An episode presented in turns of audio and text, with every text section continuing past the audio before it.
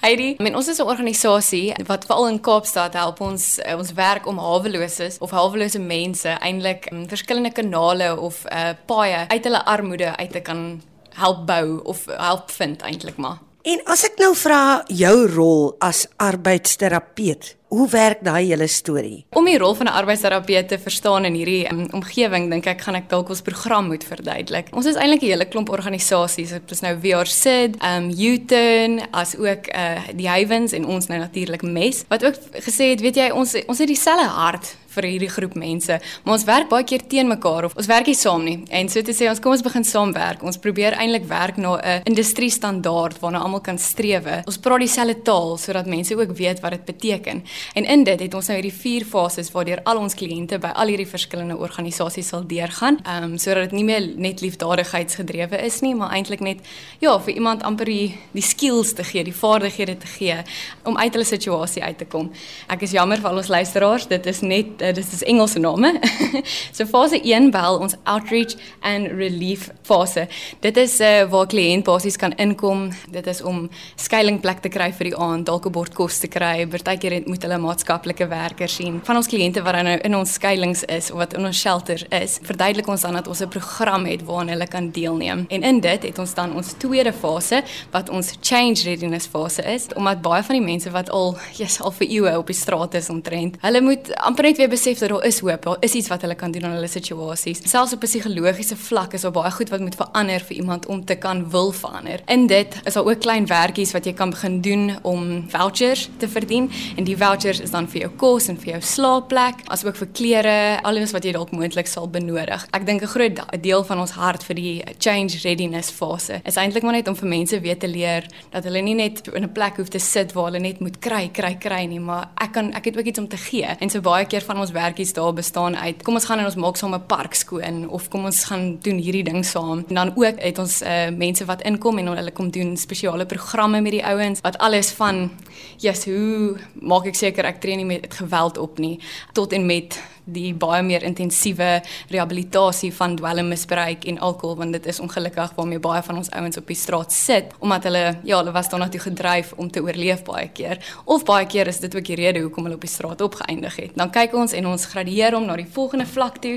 Hy gaan dan na work readiness toe. En dis nou spesifiek waar ek werk. Ons gee vir die ouens 4 dae week werk. Hulle hulle werk saam met die stad. Baie keer is dit dis verskillende rolle. Party werk in die toilette, party werk in ons erwin projek, party werk um, om parke skoon te maak. Daar's verskillende dele. Party werk as sekuriteit, werk 4 dae week en dan die 5de dag kom hulle vir wat ons noem development days. So dis basies dae waar ons as arbeidsterapeute en maatskaplike werkers nou uh, met hierdie ouens werk om net ek dink hier is nou my persoonlike opinie, mm. maar vir die ouens blootstelling te gee ja, van ja. wat is dit om betyds te kom vir werk? Wat is dit om met jou geld te werk? Hoe hanteer mens konflik in die werkspasie? Want is baie keer van hierdie ouens kry werk en hulle verloor dit, maar hulle het net nooit blootstelling gekry van wat is die regte manier om hierdie te doen nie. En so dit is baie werksgeoriënteerd, maar ek wil amper sê ons kyk regtig holisties na ouens. Baie van hierdie mense is ma's of pa's of hulle is in 'n huwelik of hulle is hulle is deel van 'n gemeenskap en ons uh, neem partykeer regtig net in ag dat hierdie ouens het nie blootstelling aan 'n familie familie wat gesond is nie. Hulle het nie blootstelling aan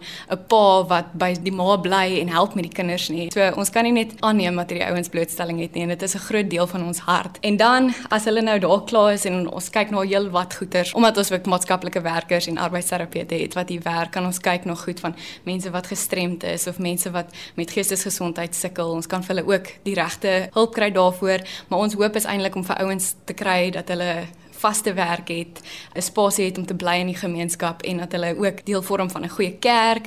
Ek gaan nou weer eens die Engels gebruik to become a good contributor in the community. Om weer ouens uit daai hulpeloosheid te kry en eintlik, hey, eintlik kan ek vrek baie beteken. Ek het 'n storie ja. en die storie is dalk verskriklik, maar daai storie kan nou juis iemand anders uit hulle situasie uithelp. Hoe hou 'n mens jou hart uit so 'n situasie uit as jy te doen het met mense wat swaar kry? En ek meen ons almal is net mense Maar hoe hou jy jou afstand? Um, ek wil sê daar ek dink net weer eens soos ek nou ook voorheen genoem het, ek eh, neem altyd mense se blootstelling in ag. Net te verstaan dat almal het nie noodwendig dieselfde vaardighede, hulle het nie dieselfde lewenservaring as wat baie van ons het nie. En so dis maklik om frustreerd te raak met ouens, is maklik om hoe kan jy jouself nou weer in hierdie situasie gekry het? Maar ja, ek dink mense mens moet maar net jou hart sag hou um, en te verstaan dat mense nie dieselfde blootstelling as jy gekry het nie.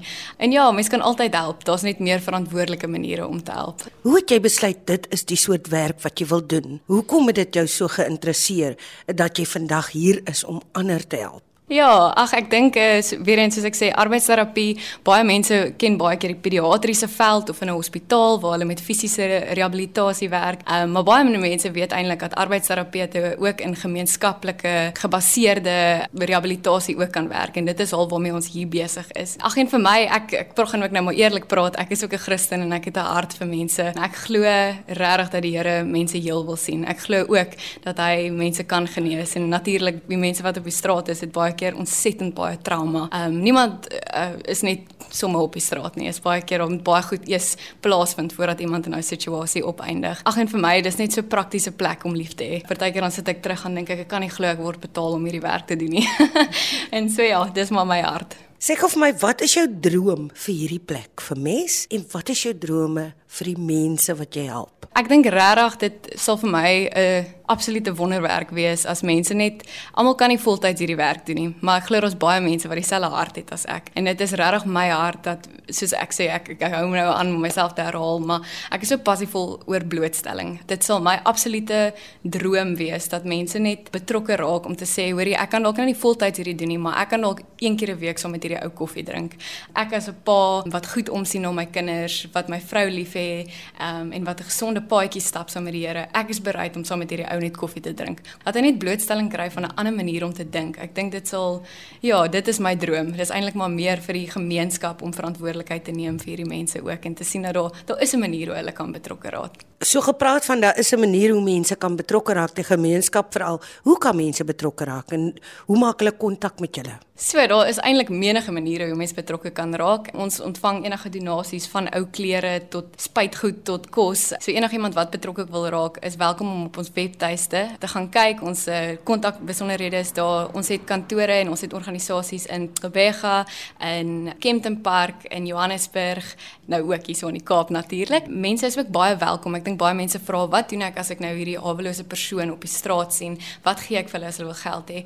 Vir ons hier in Kaapstad is dit nou baie lekker val in die noorde. Dis nou in Parow, Durbanville en in Bellville. Dis waar ons skuilings en ons organisasie funksioneer. Het hierdie My Change vouchers wat mense kan koop by meeste van die sparwinkels en mense kan dit uitdeel en wat lekker is daarvan is sodra iemand 'n uh, een van hierdie vouchers het dryf dit hulle om na ons skuilings toe te kom waar ons hulle dan kan help. Ons kan hulle dan verwys na die program. Ons kan hulle verwys na 'n maatskaplike werker. En so dit is wat vir ons baie lekker is. Hierdie vouchers uh, behels dan dat hulle kan betaal of vir 'n bed vir die aand of vir kos vir die aand. Dit hang ook af natuurlik hoe baie is beskikbaar daai aand. Ander maniere, ons is ook altyd ons kan altyd uh, mense en nog hande hê. so as iemand is wat spesifiek passievol is oor 'n uh, onderwerp wat hulle met ons ouens wil kom bespreek of kom leer of dit nou is om gesond te eet of oefeninge te doen, ons is altyd baie oop vir ouens wat goed wil kom aanbied by ons. En die webtuiste is mes www.org.za.